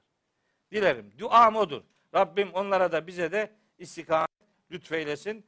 Benim adıma bazı arkadaşlar işte işte beni teselli ediyor falan. Yok yok teselli edilecek bir durum yok. Bak ne kadar güzel gülüyorum. Hiç dert değil. Teselliye konu bir durum yok. Ben çıktığım bu haysiyetli yolda önüme ne gelirse gelsin Allah'ın rızasını kazanmayı onların önünde tercih edeceğim. Zerre miskal geri adım yok. Dersler hızla devam ediyor. Bu hafta itibariyle yeni bir derse başlıyorum. Kavacık'ta Deva Vakfı var. Orada akşam saat 6'da yeni bir tefsir dersine daha başlıyorum. Dekan olamamanın karşılığı yeni bir tefsir halkası daha başlatıyoruz. Duyurulur. Artık üzüleceklerse üzülsünler. Ne kadar üzülseler yeridir. 15 gün sonra Kocaeli'nde konferansa gideceğim. Yer yerinden oynayacak görecekler yani. İşte. Deva'da bugün. Akşam 6'da. Deva Vakfı'nda yeni bir tefsir dersine başlıyoruz. Bugün itibariyle inşallah başlayacağız. Yani İstanbul'a her gelişimde elhamdülillah yeterince meşguliyet var. O meşguliyetlerle onların izzeti adına mutluyum. Rabbim beni bu hizmetten alıkoymasın inşallah. Evet, ikinci ayet. Aslında hiç demeyecektim bunu. Hiç girmeyecektim buraya ama olsun. Bir şey demem lazım. Efendim? Onlar bir şey değiştirmez de yani. Hani başka şeyler de yaptılar ya. Bunları söylemek istemiyorum. Vallahi niye söylemek istemiyorum biliyor musunuz? İlahiyat, din adamı, muhafazakar insanlarla alakalı az buçuk muhabbeti olanın muhabbeti zedelenmesin diye. O kadar mı insan yalan ve o kadar mı iftira içerisine dalar ya? O kadar mı olur be? O kadar işte. Bunu profesörce yapıyor, profesyonelce yapıyorlar ya. Onlar ahaliyi beğenmezler çünkü ahalinin böyle fitne ve desisesi yoktur. Yani o kampanyayı da kim başlattığını bilmiyorum. Sonradan haberim oldu. Bilmem ne. Siz Allah'tan yana olmaya bakın. Öyle fuzul işlerle uğraşmayın. Dert değil. Onlar yeterince korkuyorlar zaten. Daha da korkutmayın. Evet. İkinci ayet. Rabbimizin iki sıfatı. Ellezî halaka fesevva. Allahu Teala yaratan ve şekil veren, düzene koyandır. Ellezî halaka. Allah yaratandır. Fesevva ve şekil veren, düzene koyandır. Halaka, ellezî halaka demek aslında halikun demektir. Aslında haliku külli şeyin demektir. Yani her şeyin yaratıcısıdır Allahu Teala. Allahu Teala'nın yaratmasıyla alakalı Kur'an-ı Kerim'de çeşitli fiiller kullanılır. Bunlardan bir kısmı bir şeyi bir şeyden yaratmak manasına gelir. Bir kısmı da bir şeyi yoktan yaratmak anlamına gelir. Halaka daha çok bir şeyi bir şeyden yaratmak anlamında kullanılır. Beda'a, fatara, enşe'e kelimeleri bir şeyi yoktan yaratmak anlamına gelir. Halakanın da yoktan yaratma anlamına kullanılabilen e, ufak tefek kullanımları vardır ama o detaya girmiyorum. Şimdi sevva fiili var burada. Ellezî halaka. Allah yaratandır. Fesevva ve şekil verendir. Düzene koyan, şekil veren, şekillendiren. Bu fiil Kur'an'da 11 defa geçiyor. Ve genelde geçtiği konulara bakıldığı zaman insanın yaratılışında düzene sahip kılınması, şekille, şekil verilmesi anlamında geçer. Yazdım ayetlerini. insanın belli bir şekle getirilmesi manasına gelir. Ama Nazihat suresi 29, 28. E, ayetle Bakara suresi 29. ayette göklerin düzenlenmesi anlamında da kullanılıyor. Huvellezî halaka leküm mâ fil ardı cemî'an thumme istevâ iles semâi fesevvâhunne seb'a semâvâtin. Fesevvâhunne. Allah gökleri yedi kat olarak şekillendirdi, düzene koydu. Göklerin yedi kat oluşu. E, Nazihat suresinde de benzer şekilde geçiyor. Sevva fiili göklerin e, yaratılması anlamında kullanılıyor. Şems suresinin 14. ayetinde sevva fiili helak etmek anlamında da kullanılıyor. Diyor ki kezzebet semudu bi tagvaha izin ba'ase eşkaha fekale lehum Resulullah naqatallahi ve suqiyaha fekezzebuhu feakaruha fedemdeme aleyhim rabbuhum bizenbihim fesevvaha. Allah onları tesviye etti. Yani o azgın adamları beğenmedikleri adamlarla aynı seviyeye getirdi. Yerle bir etti yani demek. Şimdi sevva fiilinin bu anlam çeşitliliğinden hareketle bu surede yani Ala suresinin ikinci ayetindeki sevva fiili Cenab-ı Hak herhangi bir varlığı yaratmasından sonra ona şekil vermesi anlamına gelir. Ellezî halaka fesevva. Yaratan ve şekil veren düzene koyandır. Neyi? Her şeyi. Arapçada bir kural vardır. Arapçada fiiller iki türlüdür arkadaşlar. Bunların bir tanesi geçişli fiil yani nesne, tümle çalan fiiller. Bunlara Arapça müteaddi derler. Bir kısmı da lazım, geçişsiz fiildir. Nesnesi tümleci olmaz. Eğer bir geçişli fiilin nesnesi veya tümleci eğer yoksa ayette o her şeyi demektir. Yani ellezî halaka her şeyi yaratan odur. Fesevva külle şeyin. her şeye şekil veren odur demektir. Her şey manasının burada bulunduğunu beyan edelim cümle. Üçüncü ayet iki sıfatı daha Cenab-ı Hakk'ın gündemimize getiriyor. Vellezî kaddera feheda. Allah takdir eden ve yol gösterendir. Şimdi bu çok önemli bir ayet. Niye çok önemli? Vellezî kaddere. Kaddere takdir eden demek. Takdir etmek yani tak, takdir eden demek. Allah takdir edendir. Kader kelimesiyle takdir kelimesi aynı kökten gelir. Kader kelimesi takdir kelimesi aynı kökten gelir. Şimdi bakın. Değil mi? Böyle spekülasyon konusu edilmiş meselelerden biri de kader meselesidir. Şimdi biz kadere ben şahsen kadere iman etmiş bir adamım.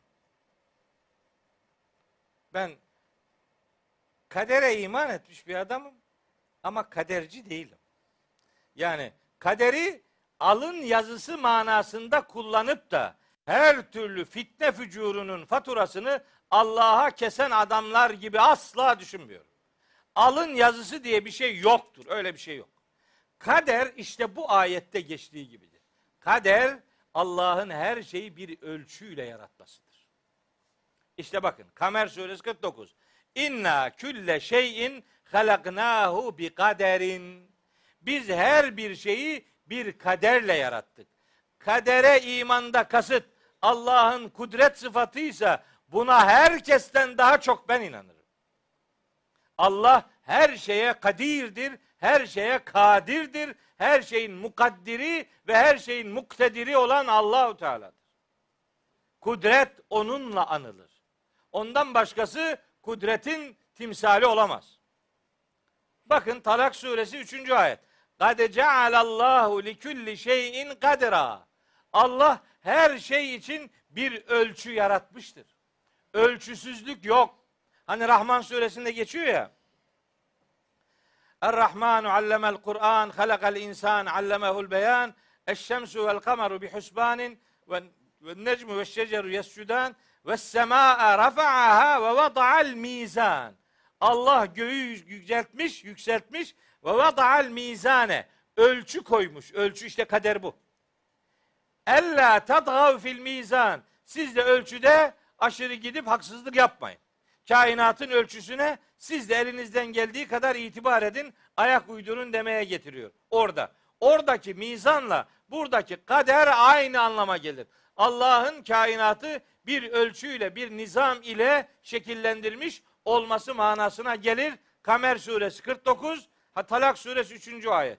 Başka da var. Hicr suresi 21. Ve in min şeyin illa indena hazainu. Ne varsa kainatta her birinin efendim hazineleri Allah'ın katındadır. Ve ma nunezziluhu illa bi kaderin ma'lumin. Yağmuru biz belirlenmiş bir kaderle indiririz. Yani yağmurun indirilmesi bir ölçüyledir. Kader ölçü demektir. Alın yazısı değil, ölçü ölçü. Biz ne diyoruz? İrademiz kaderimizdir. Kaderimiz irademizdir, irademiz kaderimizdir.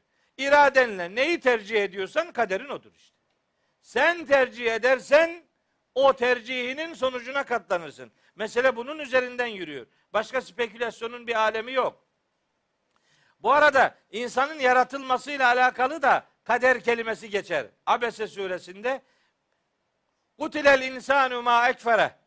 Kahrolası şu nankör insan nasıl da nankörlük yapıyor.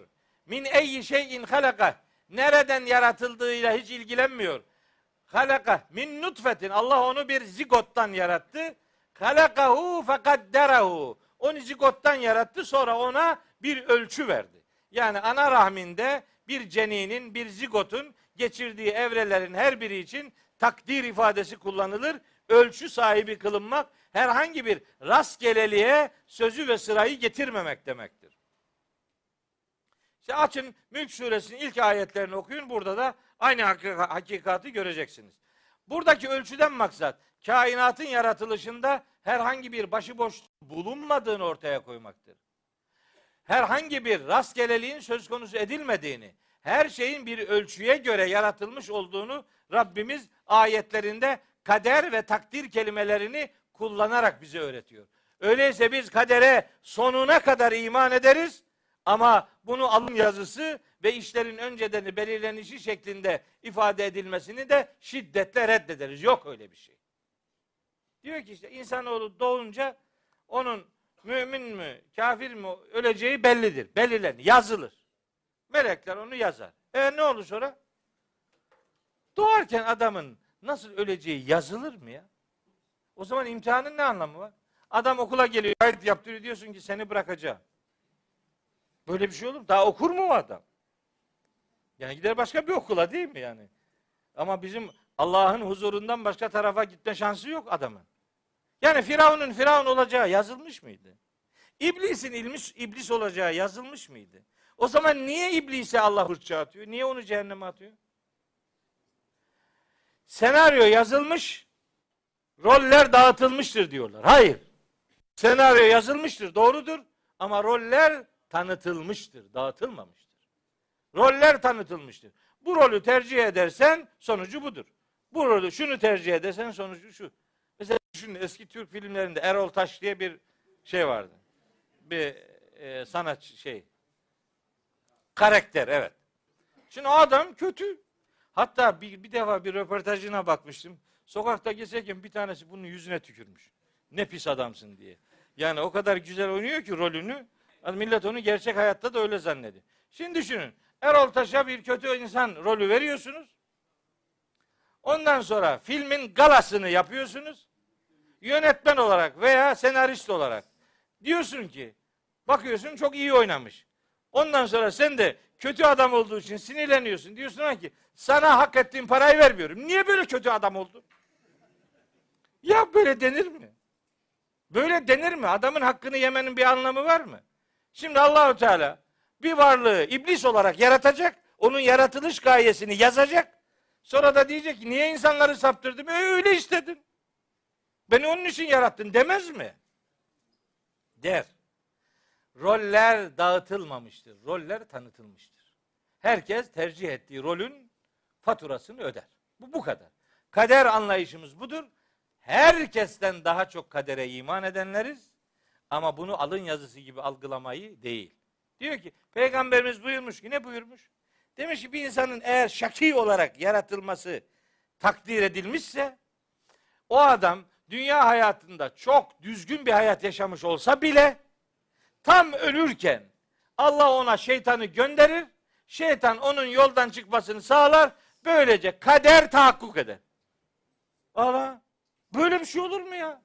Ya da tersine adamın iyi bir insan olarak takdir edilmesi yaşanmışsa çok kötü bir adam olarak yaşasa bile son anda bir melek gelir onu düzeltir. E bu kadar emrin ne gereği var o zaman?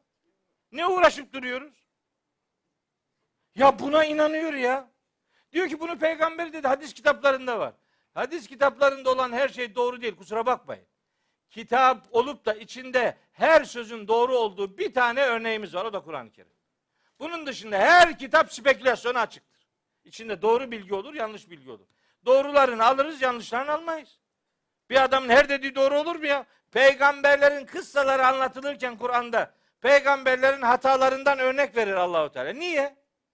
Peygamberimin hata yaptığı dünyada siz hatasızlık numarasına soyunmayın. Önemli olan hatada ısrar etmeyin, tevbe etmeyi başarın. Bunu öğretir bize. Peygamberlerin hata ettiği dünyada biz diyor ki filanca alimin kitabı olmasaydı din çökerdi. Kur'an olmasaydı din çökerdi. Kur'an, Kur'an. Olsun. Hiç hiç sorun değil. Bunun kuralı var. Arapçadan kaynaklanan, kelimelerden kaynaklanan Kur'an'ın kendisi içerisinde bir meseleyi ele alan bir mantığı var. Bu mantık eğer takip edilirse farklı yorum olmaz. Yorum tek olur. Ama birden çok anlamlı kelimeler var. O anlamlı kelimelerin birini başka biri tercih eder, öbürünü başka biri tercih eder. Ama bunlar birbirine zıt değil, birbirini tamamlayan şeylerdir. Böyle şimdi kader örneğinde verdiğim gibi böyle bir şey olabilir mi? Nasıl? He, in tekfuru fe innallaha ganiyyun ankum. Zümer suresi 7. ayet. İn tekfuru fe innallaha ganiyyun anküm.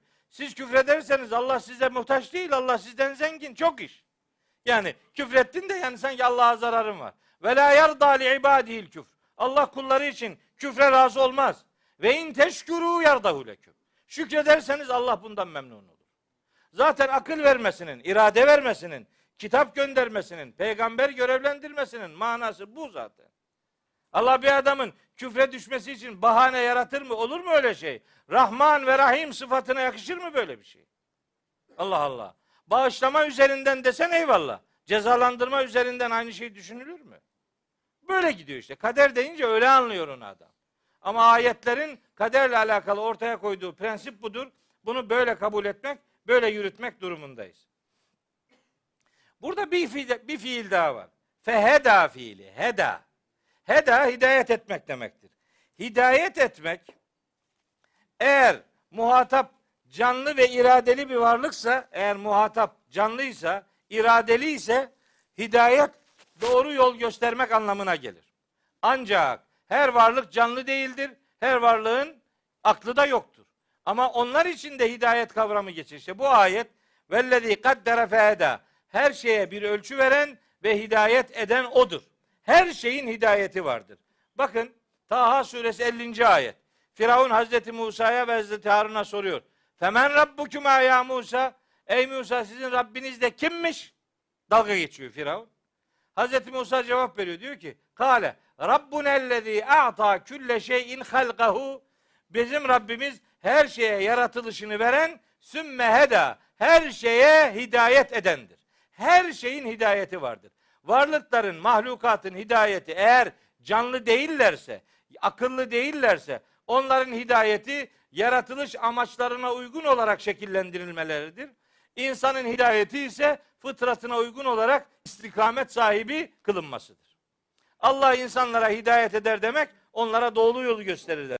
Ama Allah diğer varlıklara hidayet eder demek, onları yaratılış amaçları neyse o amaç doğrultusunda inşa etmesi, öyle şekillendirmesi manasına gelir. Hidayeti böyle insan için farklı, diğer varlıklar için farklı algılamak mecburiyetindeyiz. Bu ayette yani Ala suresinin 3. ayetinde sözü edilen hidayet her varlığın yaratılış amacına uygun olarak dizayn edilmesidir. Buradaki hidayet varlığa, insana yol gösterme anlamında, bildiğimiz terim anlamında hidayet değil, her varlığın yaratılış amacına uygun olarak şekillendirilmesi manasındadır diyelim ve öylece geçeyim. 4 ve 5. ayetlerde ise Rabbimiz başka bir sıfatını gündeme getiriyor ki bakın bu ayet nasıl muhteşem bir mesaj dünyasıyla bize sesleniyor. Buyuruyor ki Estağfirullah. Vellezî ehrecel mer'a. Allah mer'ayı çıkarandır. Mer'a Türkçede de kullanıyoruz. Mera diyoruz ya. Ra'in çoban demek. Raiye sürü demek. Mer'a otlanan yer demek. Mer'a işte. Topraktan otlaklar çıkaran Allah'tır. Fecealehu gusaen ahva. Sonra da o otlakları o otları simsiyah, kapkara bir e, şekle dönüştüren Allah'tır. Şimdi bakın. Topraktan mer'a, me, ot çıkartmak yani otlanacak bir yeşillik meydana getirmek. Bu Kur'an-ı Kerim'de çeşitli ayetlerde geçer. Mesela bir tanesi şeydedir. Ee, Yasin suresinde 30 34. 33. ayet. Orada der ki Estağfirullah ve ayetün lehumul ardul meytetü. Onlar için bir ayet, bir delil de ölü topraktır. El ardu el meytetü. Ölü toprak. Ehyeynaha. Biz ölü toprağı diriltiriz. Ve ahrecna minha habben. Ondan bir ürün çıkartırız. Feminhu ye'kulun. İnsanlar da o ürünün bir bölümünü yerler, yiyorlar. Bakın toprağın yeşilliği olmayan haline ölü diyor Allahu Teala. Ölü toprak. Ölü toprağın yeşillikli bir mahiyete dönüşmesi onun diriltilmesidir.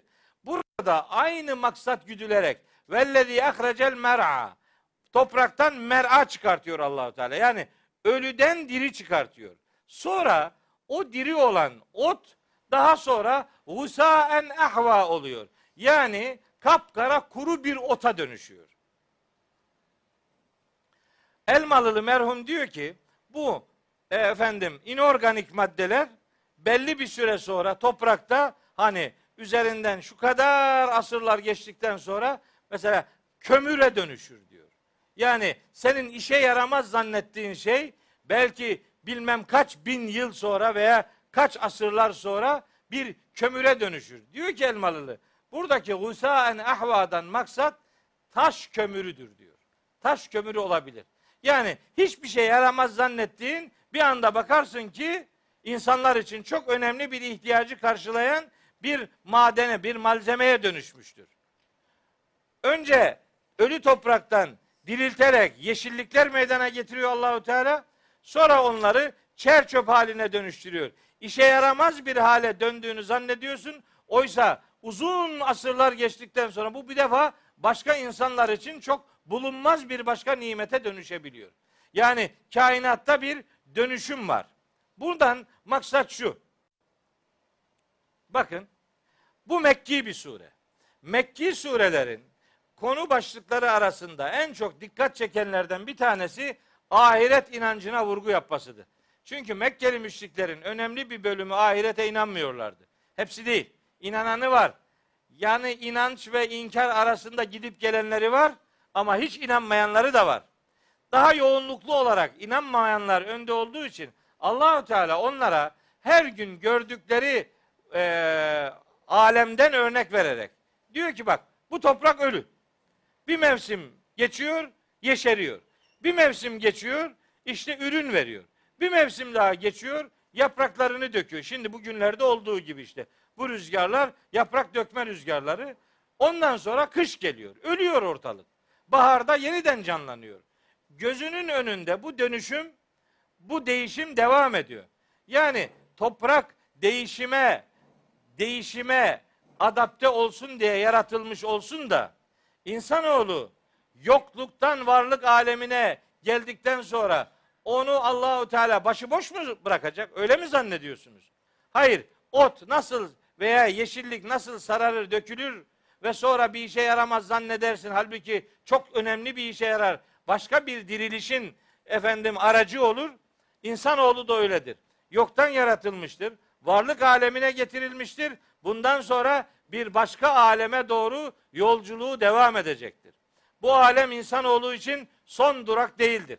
Bu alem insanoğlunun duraklarından bir tanesidir. Asıl son durak neticede mahşer hayatıyla ilişkili olarak bizi bekleyen o akıbettir. Buradan şöyle bir sonuç elde edebiliriz. Bu ayetler aslında ahirete imana dikkat çekiyor. Bu arada bir şeyi daha gündemimize getiriyor. Bizim diriltilemez zannettiğimiz insanlar vardır. Yani böyle azgındır, sapkındır, her zaman insanları kötülüğe doğru yönlendirir filan. Böyle bir e, görüntü veren insanlar vardır. Demek istiyor Allahu Teala. Ot nasıl çer çöp halini alır da bir işe yaramaz zannedersiniz. Halbuki bir süre sonra o başka bir hakikate dönüşürse gönlünü çöle dönüştürmüş insanlara vahiy ile müdahale ederseniz onun çöl olan hayatı bir bereketli göle dönüşebilir. Yani kimseden ümidinizi kesmeyin. Siz görevinizi yapmaya bakın. Ölüdür, bundan bir şey çıkmaz dediğiniz insanların önemli bir bölümü sizin anlatımınız vesilesiyle bir hayatiyet, bir istikamet bulabilir. Onların o istikametinin önünü açık tutun ve onlara hakikati ulaştırmaya gayret edin. Bizim görevimiz vahyin o bitmez tükenmez mahiyet arz eden o muhteşem hayat kaynağı olan yapısından insanların kana kana içmelerini sağlamaktır. Bizim görevimiz budur. Ha adam yararlanır yararlanmaz o onun bileceği bir iştir. Biz görevimizi yapmakla yükümlüyüz. Biz görevimizi yaparız. Geri kalan iş muhatabın tercihine kalmıştır. Allahü Teala'nın yaratmasına kalmıştır. Biz orayla ilgilenmeyiz. Rahmetlik babam öyle derdi bana. Derdi ki Mehmet senin görevin nişan almaktır. 12'den vurmak değil. Sen nişan al görevini yap. Karavana da gidebilir. Ama o senin fedakarlık yapmış olman anlamında sana gerisin geri ödül olarak dönecektir.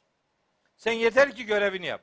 Bizim görevimiz vahyin hakikatlerini kardeşlerimize aktarmaktır. Adam itibar eder etmez. O onun bileceği iştir. Biz görevimizi yapalım. Gerisinin takdirini Rabbimize bırakalım. insanların kendi tercihlerine bırakalım diye beyan etmiş olayım. Evet. Beş ayet, sekiz ayeti hesap ettim ama sekiz ayet olmayacak. Öyle anlaşılıyor. Yani bir saat, bir buçuk saati geçti. Bir saat kırk dakika oldu. Bu iki ayeti daha aslında okumak isterim. Ama bir dahaki derse de bırakabilirim. Bayağı iş var yani burada. Ne yapayım?